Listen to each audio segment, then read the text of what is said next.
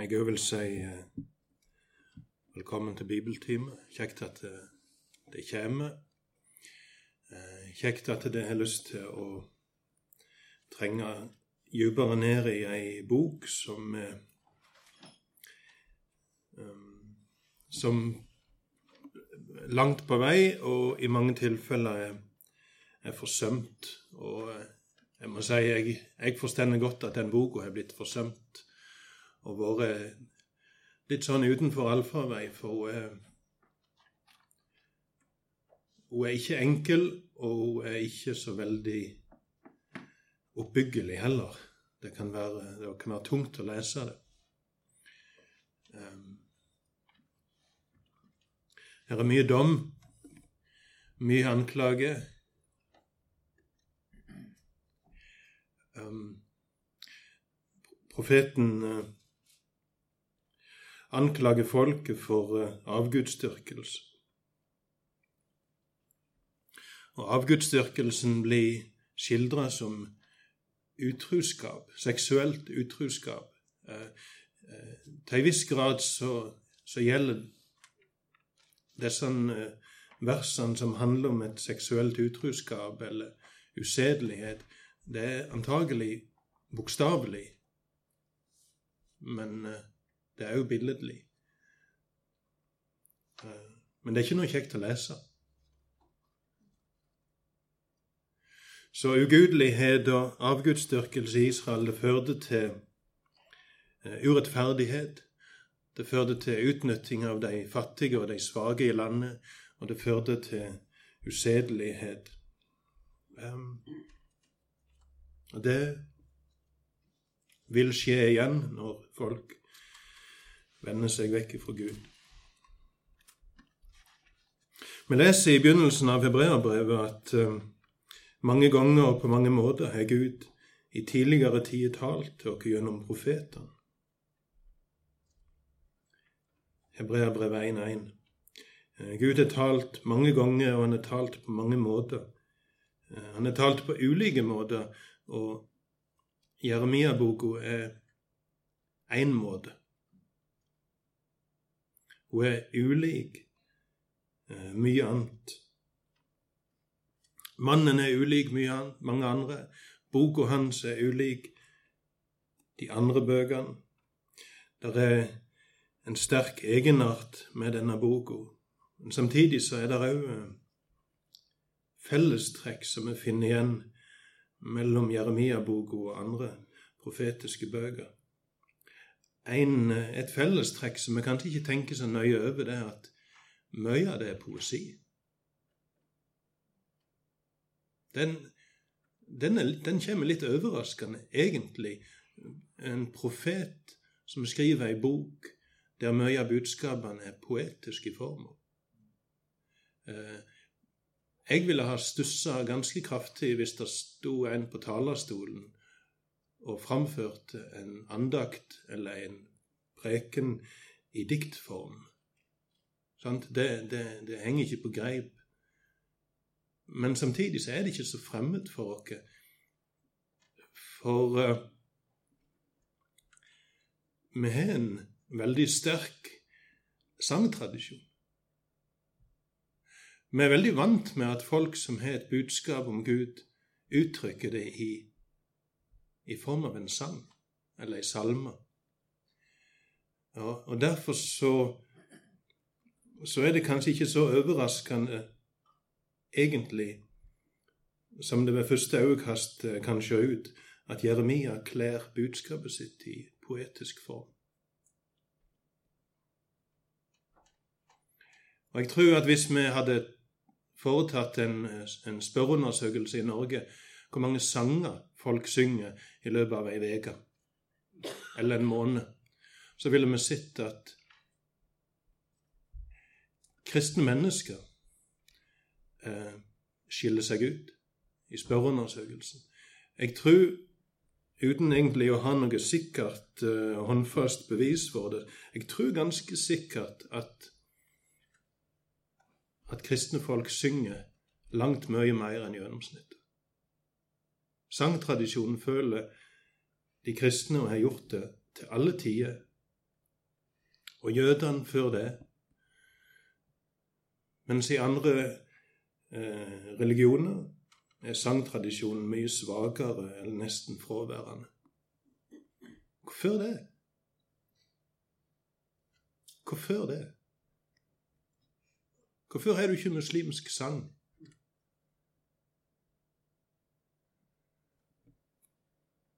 Det, det har ikke jeg et veldig godt svar på. Eh, det handler gjerne mest om at vi har noe å synge om. Eh, vi har et hjerte som renner over. Og vi tjener en Gud som er en stor kunstner. Se rundt dere. Så vil dere se at vi tjener en Gud som er en stor kunstner.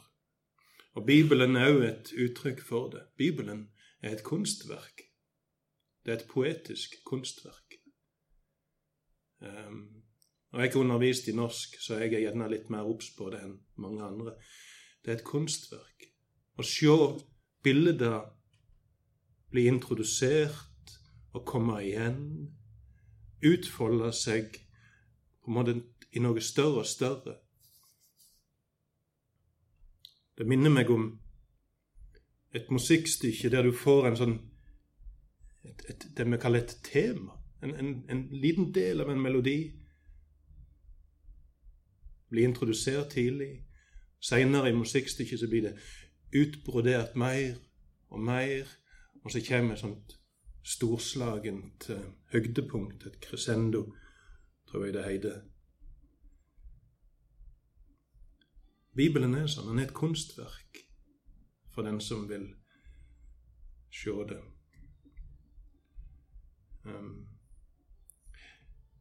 Mye av Jeremia er, er, poetisk. Det er et likhetstrekk mellom Jeremia-boka og, og, mye av den andre eh, profetiske litteraturen. Og så er det et viktig likhetspunkt mellom Jeremia og Hosea. Jeg lurer på om jeg nevnte noe om det sist.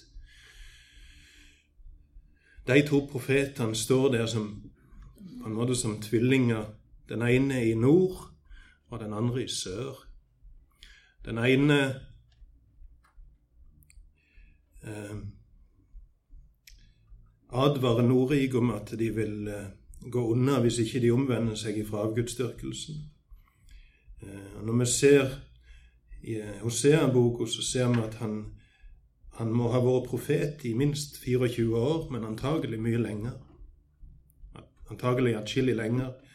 Eh, kanskje oppimot 40 år, eller gjerne over det òg. Og han taler for døve øyre. Jeremia gjør nøyaktig det samme i sør. Advarer mot avgudsdyrkelsen.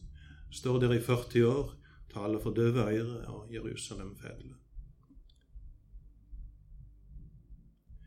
Hosea får beskjed om å gifte seg med ei prostituert. Hun får unger som han ikke er far til. Så i, i sitt privatliv, i sin familie, så, så uh, illustrerer han folket sin, sin troløshet imot Gud. Jeremia får beskjed om å ikke gifte seg. Der òg er det et, et budskap om, om en, en, relasjon som har gått sunt mellom Gud og folket. Um, tidlig i Jeremia-boka så får vi Guds anklage om at folket har forlatt sin første kjærlighet. Jeg kommer i hu din ungdoms truskap, din ungdoms hengivenhet. For vi leser vi helt i starten av Jeremia-boka, og det peker både bakover til Hosea-boka, og det peker fram til åpenbaringsboka budskapet til Efesus. Åpenbaring 2, vers 4. Jeg har imot deg at du har forlatt din første kjærlighet. Det er, et, det er et, tema som en finner, det er en anklage som en finner flere plasser i Bibelen. Um, det jeg tenkte å si en del om i dag, det er det som er særpreget med Jeremia-boka. Eh, og da kan vi begynne med noe som er veldig spesielt med han. Eh, vi leser helt i starten, når han blir kalt til profet. Han blir kalt til å være profet for folkeslaget. Det er spesielt. For uh, profetene i Det gamle testamentet de blir, de blir kalt til å bære fram et budskap til israelsfolket, men Jeremia blir sett til profet for folkeslaget. Det er et uvanlig vidt perspektiv. Um, vi finner eksempler i Gamle testamentet på at det er profeter som har en tjeneste som på en måte går utover Israel sine grenser. Og Jonah er det, klareste eksempelet på det, som blir sendt til Ninive, til asyrerne. Men, eh, men Jeremia eh, har òg dette vide perspektivet. Et uttrykk for det det finner vi i, i, helt i slutten av boka, for der er det ei samling av domsord. Kapittel 46 til 51 er er domsord over forskjellige folkeslag. Over Moab, over Edom, over eh, Elam, over Arabia, over Egypt, over Babylon. Men eh, det er ikke bare domsordene som gjør at han har, har dette vide perspektivet. Um, og når vi leser disse domsordene, så ser vi at, at Gud uttaler en dom over disse folkeslagene. Eh, dels av avgudsdyrkelse, som de har holdt på med, og dels av at de har oppført seg dårlig imot Israel. Så når Israel blir ført i fangenskap til Babylon, så står eh, nabofolkene og godter seg. De godter seg over Israels ulykke. Og på grunn av det så uttaler Gud en dom over dem. Eh, og det vi ser da, da ser vi en kobling bak til, til, til, Guds kall til Abraham. Gud sier til Abraham, 'Jeg vil velsigne deg som velsigner deg, og forbanne deg som forbanner deg'. Og i domsordene over disse folkeslagene ser vi Guds forbannelse over folkeslag som har forbanna Israel.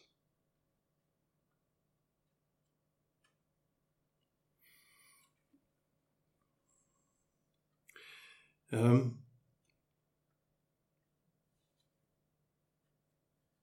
og så leser vi òg at domsordene er ikke absolutte. De, de, slutter med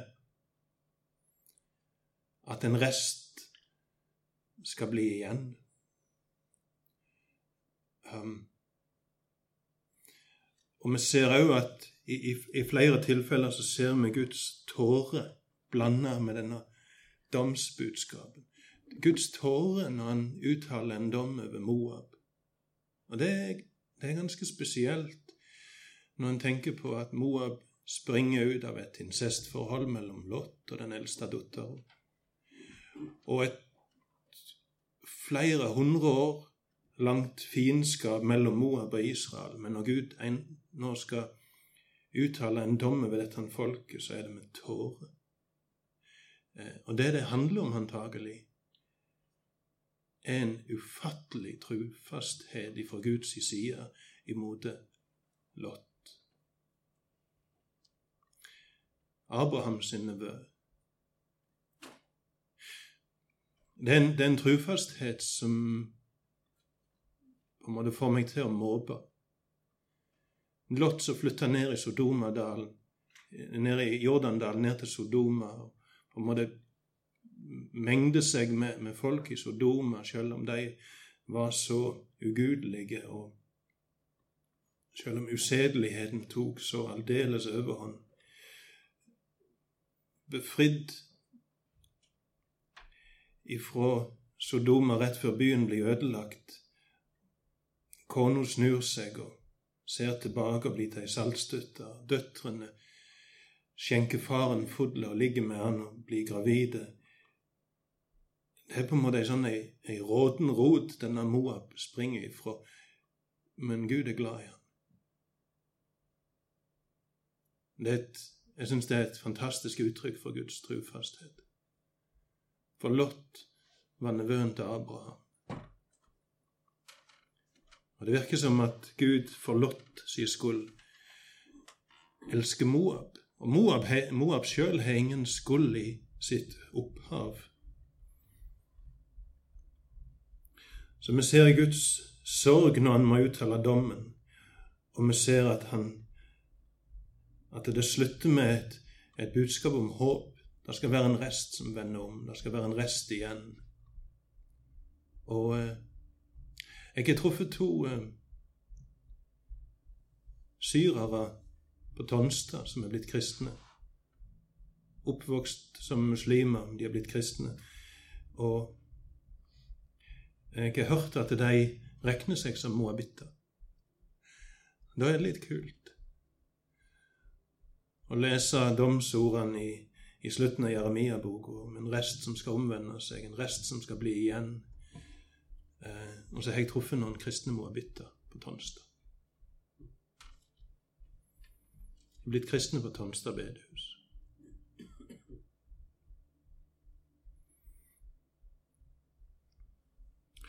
Og Gud uttaler en dom over disse, men når vi kommer til pinsedag, så ser vi at i den skaren som er til stede på pinsedag og hører på eh, disiplene som forkynner Guds storverk på, på eh, en mengde forskjellige språk, Blant dem er det folk fra Eland.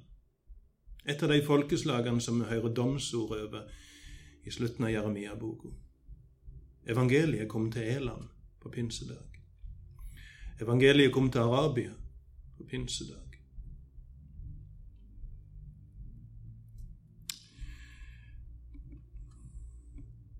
Så det er mye dom i denne boka, men, men dommen er ikke det eneste ordet, og dommen er heller ikke det siste ordet.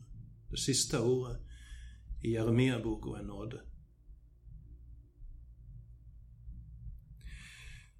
Det stender et eh, merkelig ord i Jeremia 4, vers 1 og 2. Om du kommer tilbake, Israel, sier Herren, om du kommer tilbake til meg, om du fjerner de motbydelige gudene dine ifra meg, og ikke flakker ikring. Om du sver så sant Herren lever, i sanning, rett og rettferd, da skal folkeslaga velsigne seg ved Han. Ved Han skal de prise seg lukkelige. Det er Gud sitt, eh, sitt budskap til, til folket, til Israel. Hvis det vender tilbake, hvis det renser ut avgudene da skal folkeslaget velsigne seg ved Han, altså ved Gud. Eh, det som er litt merkelig med, denne, med dette avsnittet, er at det er ikke sånn vi ville ha forventa det.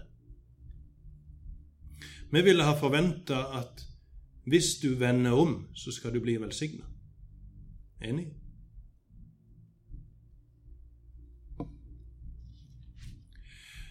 Men det Jeremia sier her, eller det Gud sier gjennom Jeremia, det er at hvis du vender om, så skal folkeslagene prise Og Det virker som om Jeremia her hopper over et ledd. Selvfølgelig skal du bli velsigna, men det igjen vil føre til misjon.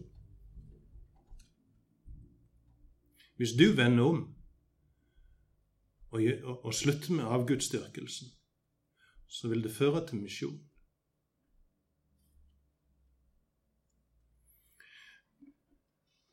Selvfølgelig vil, vil du bli velsigna sjøl pga. omvendelsen, men det vil føre til misjon. Og det viser, frem, viser tilbake til, til, den, til, den, andre delen av kallet til Abraham. Jeg vil velsigne deg som Jeg vil velsigne deg og, og gjøre deg til en velsignelse.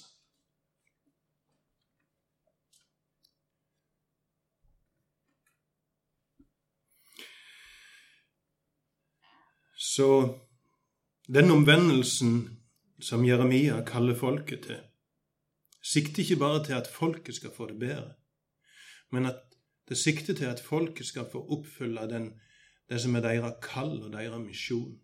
De skal være et lys for folkeslagene. Og Det kan de bare bli hvis de rydder ut avgudsdyrkelsen. De, kan ikke være, de kan ikke være et lys for hedningene hvis de sjøl driver med hedenskap og avgudsdyrkelse. Jeremia 16, vers 19-21. Til deg skal folkeslaga komme ifra enden av jorda og seie:" fedrene våre arva bare løgn, falske guder som ikke kan hjelpe. Kan mennesket lage seg guder? De er da ikke guder. Sjå, derfor gjør jeg kjent for deg. Denne gangen gjør jeg kjent min makt og mitt velde, og de skal kjenne at mitt navn er Herren. Folkeslaget skal komme ifra enden av jorda til deg, altså til Jerusalem, til Israel. Det blir oppfylt på pinsedag. Den første oppfyllelsen kommer iallfall på pinsedag, når folkeslagene kom ifra alle verdens kanter til Jerusalem og fikk høre evangeliet. Og eh, Kanskje vi kan nevne en ting til som gikk i oppfyllelse på pinsedag. Det står et ord i, i Zakaria-boka. Nå forlater vi Jeremia et lite øyeblikk, iallfall tilsynelatende. Um, Zakaria kapittel 12, vers 10 og 11. Det er en profeti som Zakaria uttaler. Zakaria 12,10. Men over Davids hus og de som bor i Jerusalem, auser jeg ut ei nåde og bønneånd. Da skal de sjå på meg, på Han som de har gjennomstunget. De skal klage over Han liksom en klager over eneste sønnen, og sørge sårt over Han liksom en sørger over den førstefødte. Den dagen skal klaga i Jerusalem være like stor som klaga over Hadadrimmon i Megiddodalen. Det det handler om, det er folk som, som sørger og klager over det som har skjedd med Jesus når han ble hengt på korset, når han ble gjennomstungen. Og det står at klagen skal være like stor som klagen over Hadadrimmon i Megiddodalen. Um, det handler om Israels sorg på Jeremias tid, når Joshia ble drept i krigen mot Egypt. Han døde en plass som heter Haddadrimmon, i Israeldalen. Og jeg nevnte det sist at Joshia var en gudfryktig konge.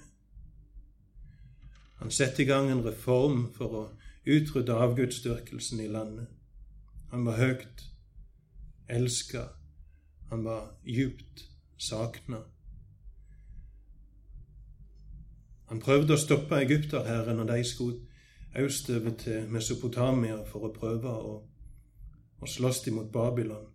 Der blir han drept, og det er en sorg over Hadadrimmon i Megiddodalen, som her hos Zakaria blir sammenligna med den sorgen som Israel skal føle når det går opp for dem at de har tatt livet av sin Messias. Det ser du på pinsedag. Det stikker de i hjertet når Peter forkynner. Det drepte han. Det drepte Guds hellige. Og så blir de omvendt. 3000 i tallet.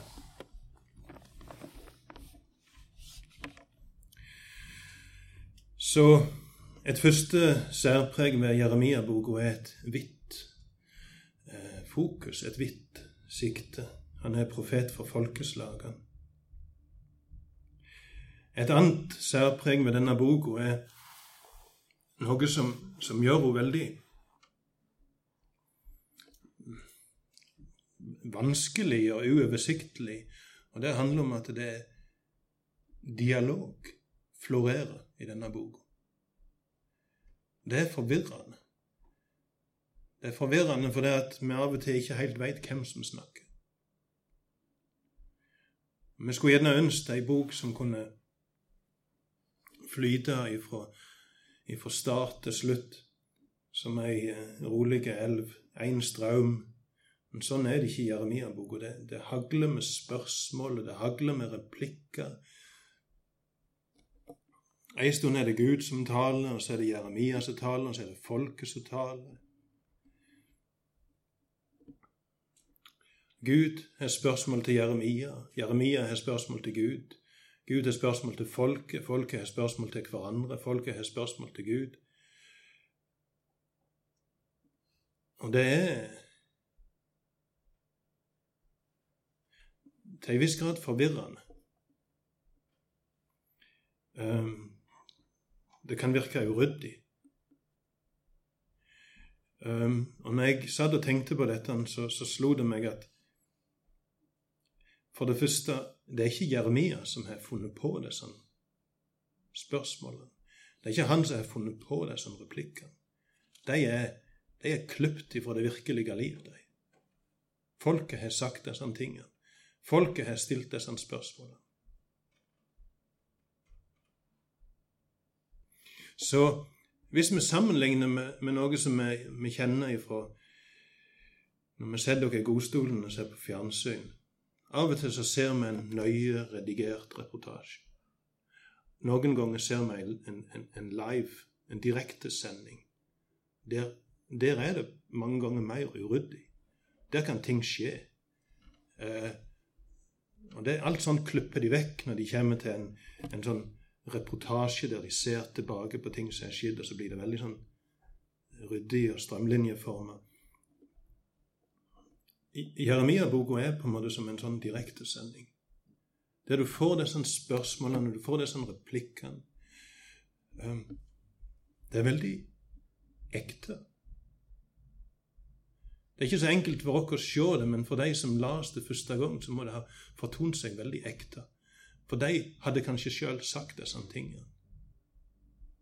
De hadde hørt disse spørsmålene, de hadde hørt disse innvendingene. De kjente det igjen fra den tida de sjøl hadde bodd i Jerusalem. Nå satt de i Babylon, i eksil, og så las de hva de hadde sagt før. Det er veldig autentisk. Og Det er på en måte som en rettssak der du får spilt av overvåkningsbilder og video og opptak som stopper munnen på de som sitter på tiltalebenken. Ja, jeg kan ikke benekte jeg sa akkurat det der. Jeg var akkurat der akkurat da. Jeg gjorde akkurat sånn.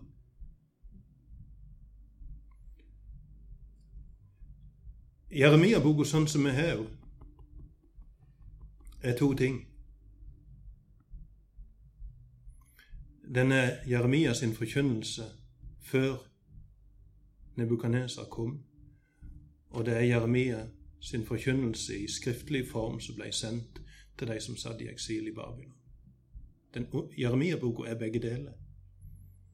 Og sånn som vi har henne, det er sånn hun ble sendt til Babylon. Og de satt i Babylon og så leste de dette. De leste hva de hadde sagt. Og de så hva utrolig dumt de hadde oppført seg.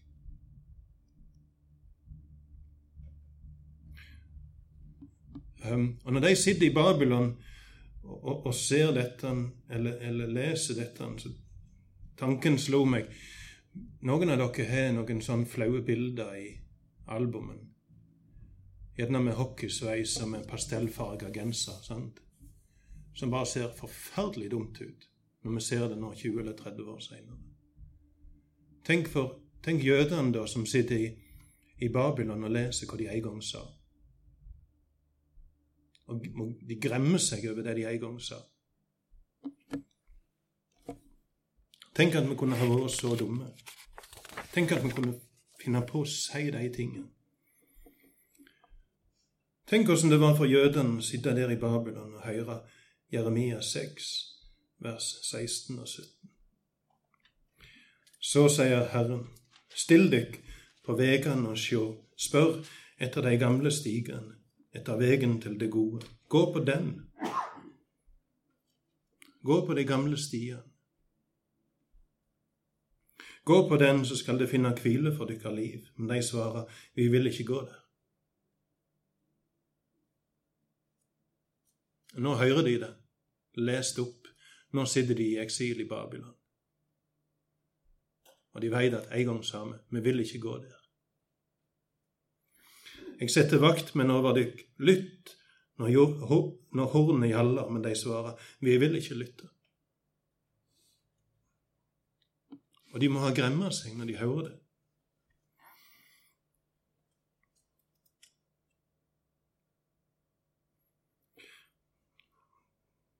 Dialogen i Jeremia-boka fortsetter etter at folket er ført i eksil. Nå skjer det i form av brev. Jeremia skriver brev til dem. Han, og han får brev ifra dem, eller han siterer ifra brev som er sendt ifra Babylon. Og disse brevene blir sitert helt eller delvis i, i Jeremia-boka.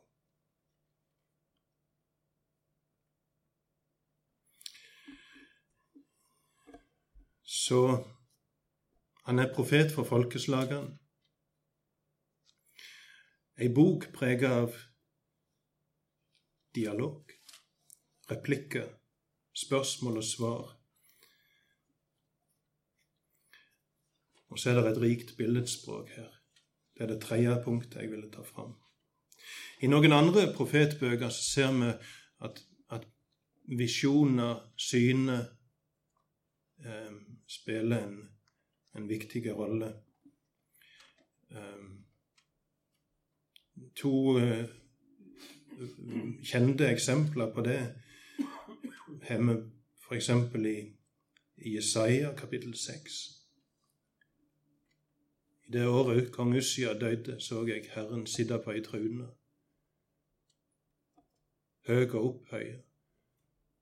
Slep av kåpa hans fylte tempelet. Serafa sto rundt han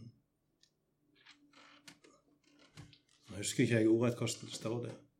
Men det er, et, det er et mektig syn som Jesaja har.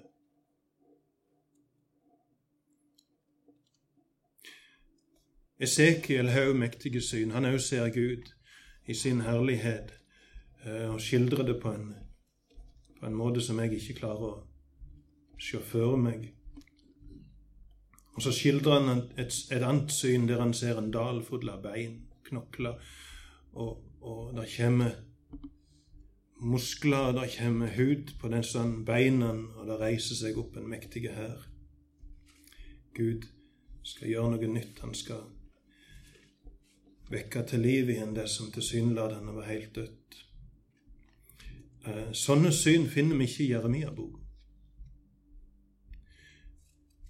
De synene vi finner i Jeremia-boka, er helt annerledes. Og de kan virke litt puslete og hverdagsgrå egentlig. Eh, han ser ei eh, grein av et mandeltre. Sant? Det virker litt puslete i forhold. Han ser ei grein av et mandeltre. Han ser ei suppegryte som stender litt skeivt. Begge de er fra kapittel 1. Han ser en pottemagers arbeid på dreieskiva si, kapittel 18. Han ser to korger med fiken, Ei korg har gode fiken, ei korg har dårlige fiken. Kapittel 24. Det er noe helt annet enn Jesaja og Esekiel sine syner, men uh, det blir knytta budskap til disse hverdagslige synene som, som Jeremia har. Han, han, ser det med sine egne øyne. Det, det er ikke visjoner på samme måte som hos Esekiel og, og Jesaja. Dette er noe han ser med sine egne øyne. Og det, det er viktig.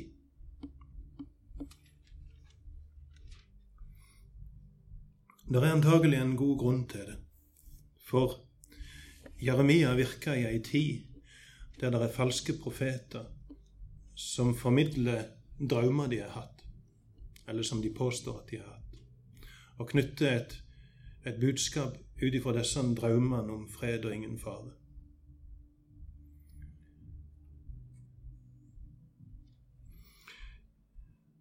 Og Jeremia møter de, ikke med drømmer. Ikke med alternative drømmer, ikke med alternative visjoner, men noe veldig håndfast. Og et kompromissløst budskap ifra Gud. Gud sier til, til folket gjennom Jeremia Jeg har ikke sendt profetene, men de springer. Jeg har ikke tala til dem, men de profeterer. Om de hadde vært med i mitt råd, kunne de ha latt folket mitt få høre mine ord og fått dem til å vende om fra sine vonde veger og gjerninger. Jeg har hørt hva de sier, de profetene som profeterer løgn i mitt navn. Jeg har drømt, jeg har drømt. Hvor lenge har profetene tenkt å profetere løgn, svik fra sitt eget hjerte?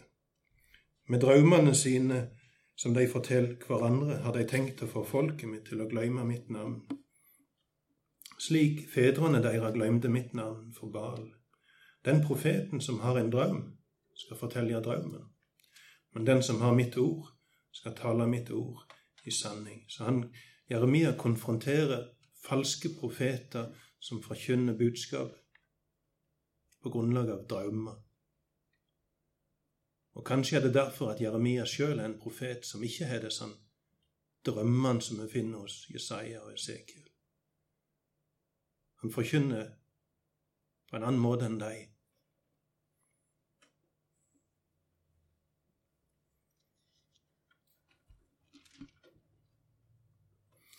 De falske profetene trodde helt sikkert ikke sjøl at de var falske profeter.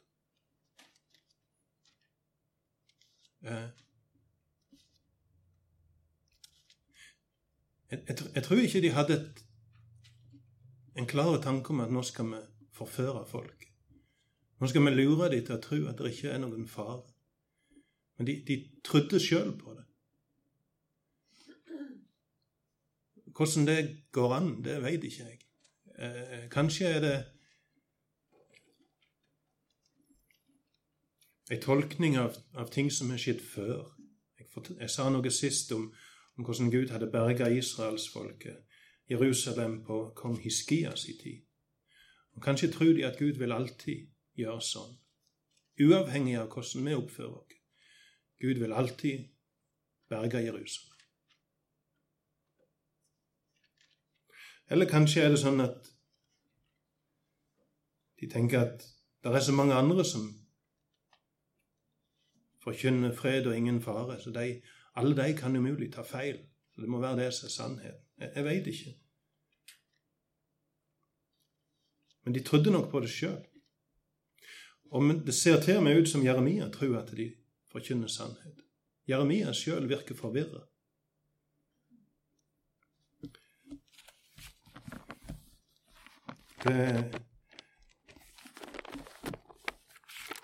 Vi vet jo at, det, at de eh, forkynte løgn, disse falske profetene. Men det var ikke så enkelt for de som levde på den tida, å skjelne mellom de ekte og de falske profetene. Jeremia sier f.eks. i kapittel 4, vers 10. Jeg sa, Å min Herre og Gud, sannelig du svikta dette folk og Jerusalem da du sa det skal ha fred. Du svikta folket, sier Jeremia, for du sa at vi skulle ha fred. Når hadde Gud sagt det? Det ser ut til at Jeremia tar budskapet fra de falske profetene som god fisk. Og så er han forvirra. Hvordan kan du si at vi skal ha fred nå? Røre sverdet ved strupen. Og så er det at Gud må komme til Jeremia og si 'Jeg har ikke sendt dem'. Jeg har ikke sendt dem. De taler sine egne drømmer. Det er ikke jeg som har sendt dem. Det de gjorde, disse falske profetene, er at de forkynner sin egen ønsketenkning og framstiller det som Guds ord.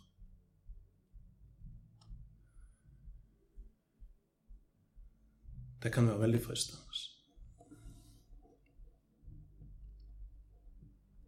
Og vi lever i ei tid der dette kan være veldig aktuelt. Det er mange som setter Bibelen til sides og forkynner sin egen ønsketenkning. Og framstiller det som et uttrykk for hva Gud egentlig mener, og hva Gud egentlig tenker. Um, og grunnlaget for det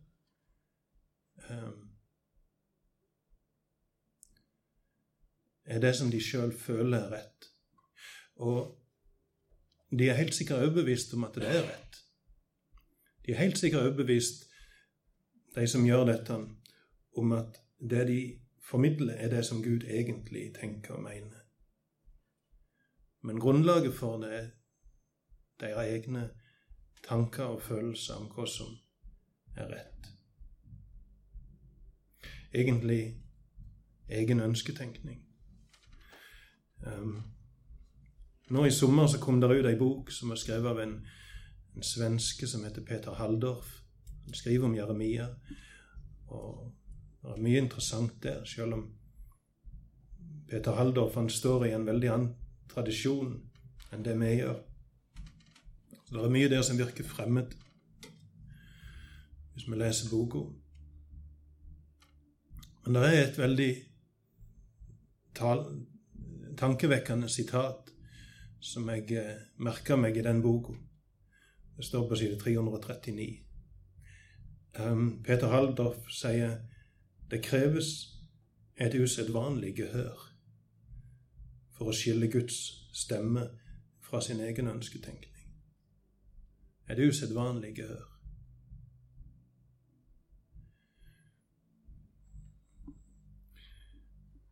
Og på Jeremias i tid var det de profetene som hadde slått inn på denne veien. De formidler sin egen ønsketenkning, men de fører folket vilt. De eh,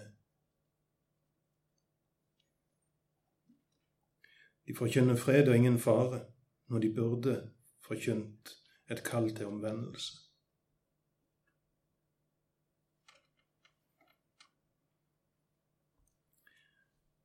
Um, og det er en fare som er aktuell i dag òg.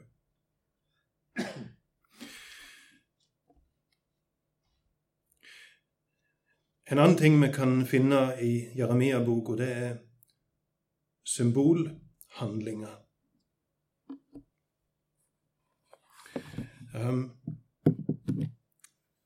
det vil si, profeten forkynner ikke bare gjennom ord men han forkynner òg gjennom handlinger, um, som skal si noen ting om uh, Eller som skal formidle et budskap ifra Gud. Um, I kapittel 13 leser vi at Jeremia får beskjed om å kjøpe et dyrt og eksklusivt linbelte. Et, uh, det, er et, det, er et, eksklusivt plagg. Um, brukt å, for å pynte seg med. Han får beskjed om at han ikke har lov til å vaske det. Det er veldig spesielt hos et folk som la vekt på renslighet. Og i alle fall når plagget var av lin og på en måte skulle være eksklusivt, så altså skal du ikke vaske det. Og etter en stund får han beskjed om å reise til, til Eufrat og grave det ned. Så han gjør det. En stund seinere igjen får han beskjed om å reise tilbake og grave det opp. og Ta det med hjem. Og vise gjennom denne handlinga at Israel skulle være et sånn et eksklusivt plagg som Gud ville bruke på en måte til pryd. Men de ville ikke rense seg. Og nå har han kasta de vekk til Eufrat, og det er ødelagt. Så det er en symbolhandling. Profeten forkynner gjennom handling. I eh, kapittel 18 har vi den kjente historien om, om pottemageren som eh, arbeider på dreieskiva. Karet blir mislykka, um, og han knar deigen Nei, ikke deigen.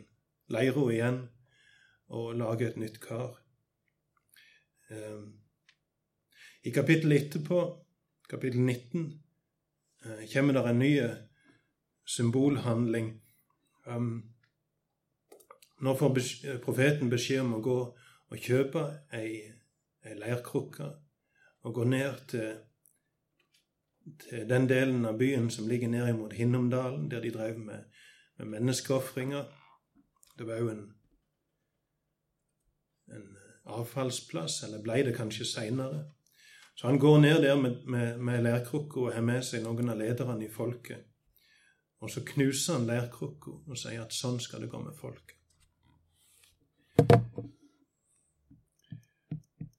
Skal vi se Jeg har ikke notatene klart om resten her. Um,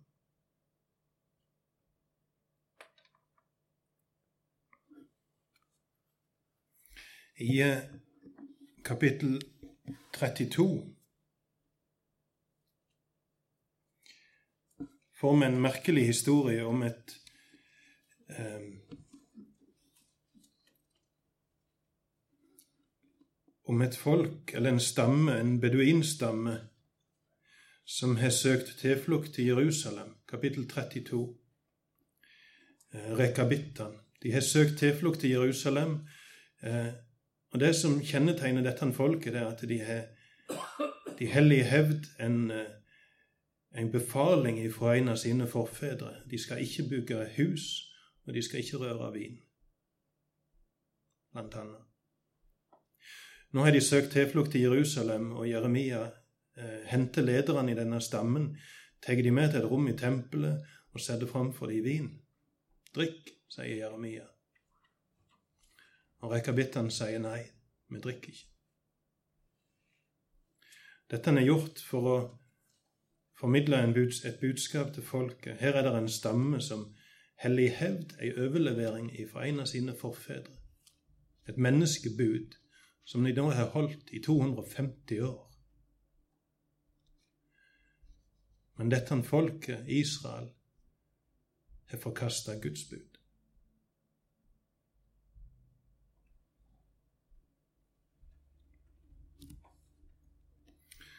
I kapittel 27 hører vi at profeten lager seg et åk som han bærer på som et symbol på både Juda og nabolandene um, skal måtte bøye seg under Babelkongen sitt åk. Skal vi se Jeg sa visst feil i stad. Historien om rekabittene står i kapittel 35.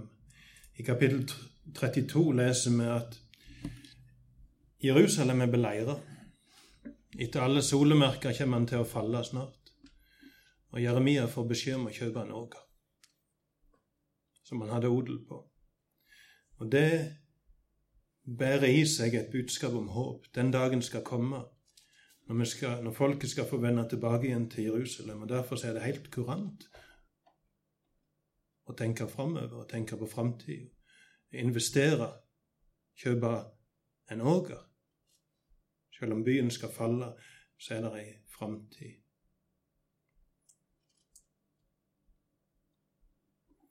Kapittel 43, en ny symbolsk handling. Jeremia har blitt ført til Egypt. Nå legger han ned tre steiner utenfor farao sitt palass og sier at en dag skal Nebukadneser komme og sette sin trune oppå disse tre steinene.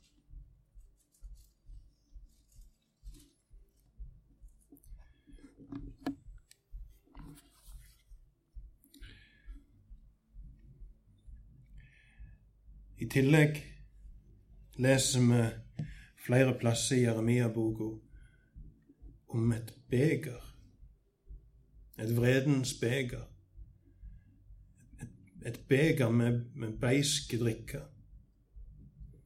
Som eh, profeten blir bedt om å by til folkeslagene. Eh, som et tegn på at at dommen skulle ramme dem. Et, eh, et beger med vredesvin som symboliserer straff for menneskers ondskap. Og Det er ikke den eneste plassen i Bibelen vi leser om et sånt et beiskt beger. Vi leser også om det i forbindelse med gullkalven, der som, som, som, Moses knuser og meler opp til støv og blander i, i vann. Har i et beger og lar folket drikke. Uh, vi leser òg om et beger i Det nye testamentet. Jesus ligger i Getsemane, og så ber han til Gud om at han skal la dette begeret gå forbi han. Hva et beger er det han snakker om? Denne kalk, la denne kalken gå meg forbi, sier Jesus.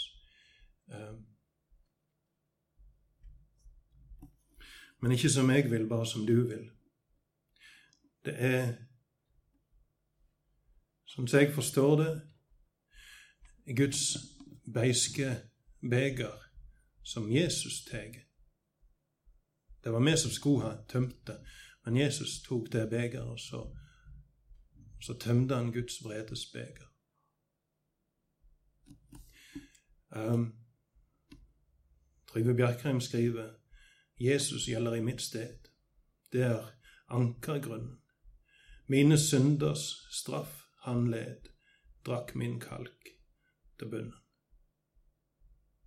Sangboka nummer 265. Så Jesus tok mitt vredes beger og tømte det til bunnen. Eh, det som er spesielt, er at den samme dagen er det òg snakk om et annet beger. En time, to timer tidligere så er det vært snakk om et annet beger.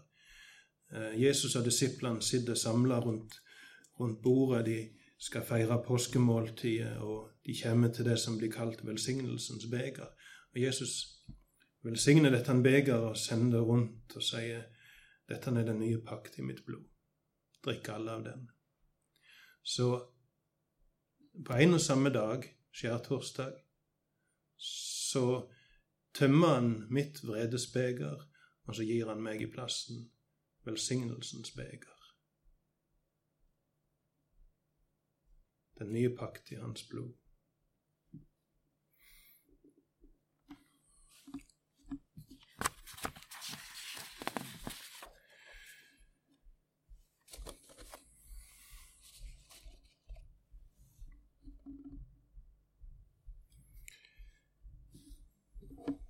Tida gjenger.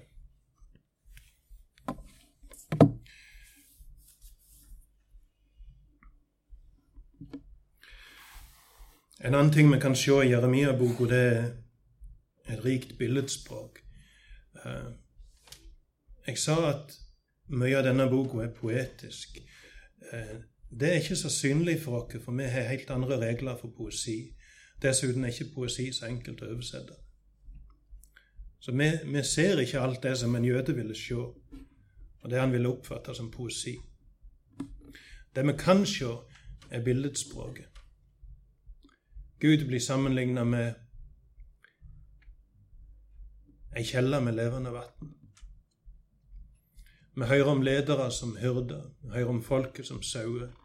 Folket blir sammenligna med et fikentre. Um, forholdet mellom Gud og folket blir skildra som et ekteskap.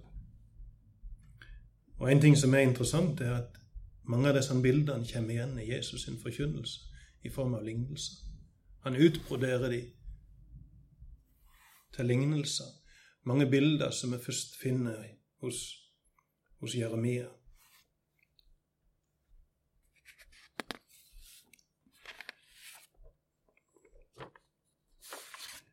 Um,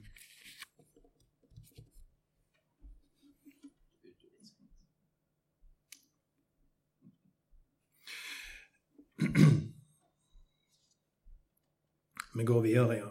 Um, noe av det som gjør Jeremia-boka vanskelig og forvirrende, er at hun har en uvanlig struktur. Noen sier en uryddig struktur.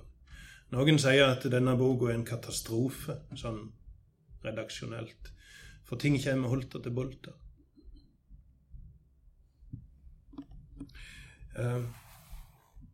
Det er ikke sånn at ting er ordna kronologisk. Du begynner med det første, og så slutter du med det siste. Men, men det, ting kommer holter til bolter.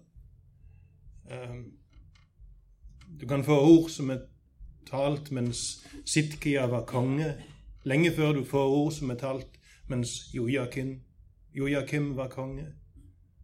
Og Jojakim var før Sitkia. Så det er vanskelig å få oversikt over denne boka. Og da skjønner vi at Jeremia har ikke lagt vind på at det skulle være kronologisk. Det må være noe annet som har styrt hvordan han eh, setter denne boka i hop. Eh, en som har studert dette grundig, han sier at noen plasser i, i, i boka så finner du noen sånne noen sprang. Um, noen brudd med kronologien. Og, og de plassene du finner disse sprangene, der får du en henvisning til noe som ble sagt, eller til noe som skjedde mens kong Jojakim var konge. Jeg vet ikke om du husker fra sist uke. Eh, Jeremia virka mens, mens spesielt tre konger regjerte. Det var den gudfryktige Joshia, det var den onde Jojakim og den svake Sidkia.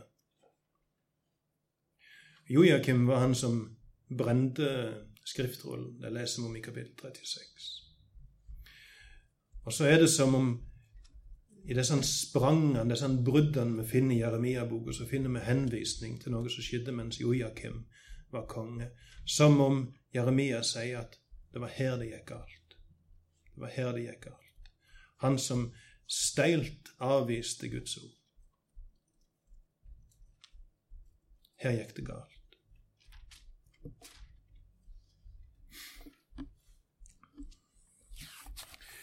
Um,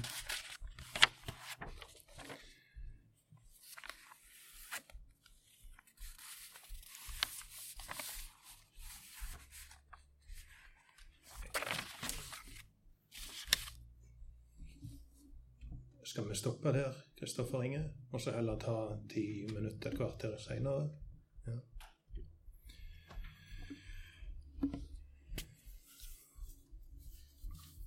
Kjære Far, vi takker deg for Jeremia-boka. Vi takker deg for han som sto på sin post og forkynte ditt ord. Han gjorde det trufast i 40 år, talte for døve øyre mande folket til omvendelse, mande de til å vende om til deg, mande de til å, til å gi slipp på avgudsdyrkelsen urettferdigheten alliansene med stormakter som de setter sin lit til, i plassen for å sette sin lit til deg. Og vi takker for at vi har Hans ord i dag. Vi har ditt ord gjennom Han hos oss i dag, og vi ber om at vi må se hva du vil tale til oss som lever i dag, gjennom denne boka og gjennom denne mannen. Og vi takker deg, Jesus, for at du tømte det begeret, det beiska begeret. Du, eh, du frykta det, og du ba om å slippe det, men du sa jo ikke som jeg vil, men som du vil. Så gikk du til Golgata, tømte det til bunns, og ga oss i plassen et velsignelsens beger. Fellesskap med deg. Vi takker deg, Jesus. Amen.